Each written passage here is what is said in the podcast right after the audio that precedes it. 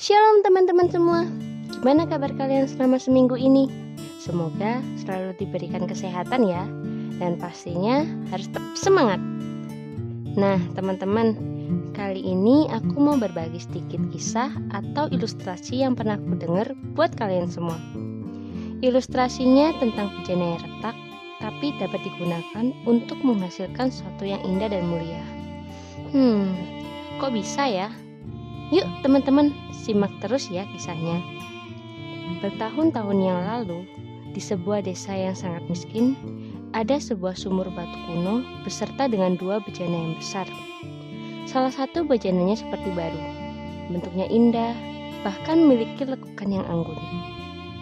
Bejana yang lain tidak baru sih, ada retakannya, tapi masih bisa digunakan.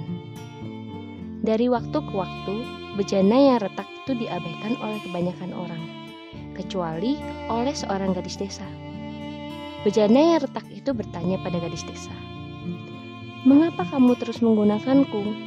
Kamu tahu aku retak dan tidak bisa menampung air yang kamu butuhkan." Gadis kecil itu tidak mengucapkan sepatah kata pun, tetapi membawa bejana yang retak itu ke jalur yang ia lewati setiap hari.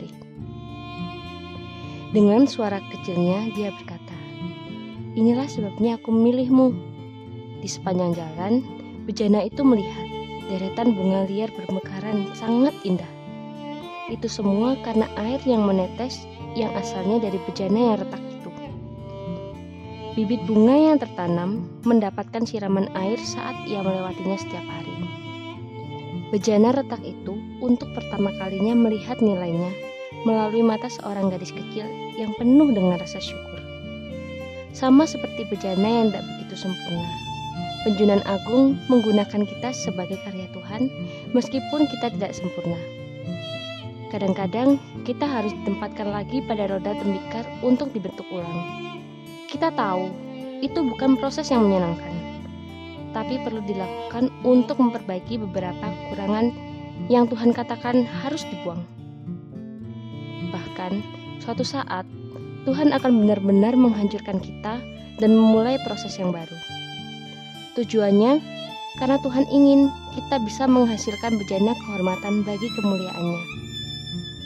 Dalam Yeremia 18 ayat 4 dikatakan, Apabila bejana yang sedang dibuatnya dari tanah liat di tangannya itu rusak, maka tukang periuk itu mengerjakannya kembali menjadi bejana lain menurut apa yang baik pada pemandangannya.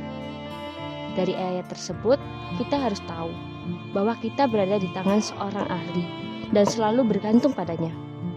Nah, berikut ini beberapa tokoh dalam Alkitab yang mengarah pada bejana retak. Nuh adalah seorang pemabuk. Elia adalah seorang yang depresi. Petrus adalah seorang pengecut. Yakub adalah seorang penipu. Rahab adalah seorang pelacur. Samson adalah seorang mata keranjang. Musa memiliki masalah kepercayaan diri. Daud adalah seorang pezina dan pembunuh. Wanita Samaria itu bercerai. Kita mungkin pernah menilai diri kita gagal menurut diri kita sendiri. Tetapi sama seperti para pahlawan iman di atas. Tuhan telah berjanji untuk menjadi pelindung kita selama berada di dalam bejana tanah liat ini. Kita tidak perlu khawatir karena kita memiliki Tuhan yang sempurna yang tinggal dalam diri kita yang tidak sempurna ini. Dalam 2 Timotius 2 ayatnya yang ke-21 dikatakan, Jika seorang menyucikan dirinya dari hal-hal yang jahat, ia akan menjadi perabot rumah untuk maksud yang mulia. Ia dikuduskan, dipandang layak untuk dipakai tuannya, dan disediakan untuk setiap kerjaan yang mulia.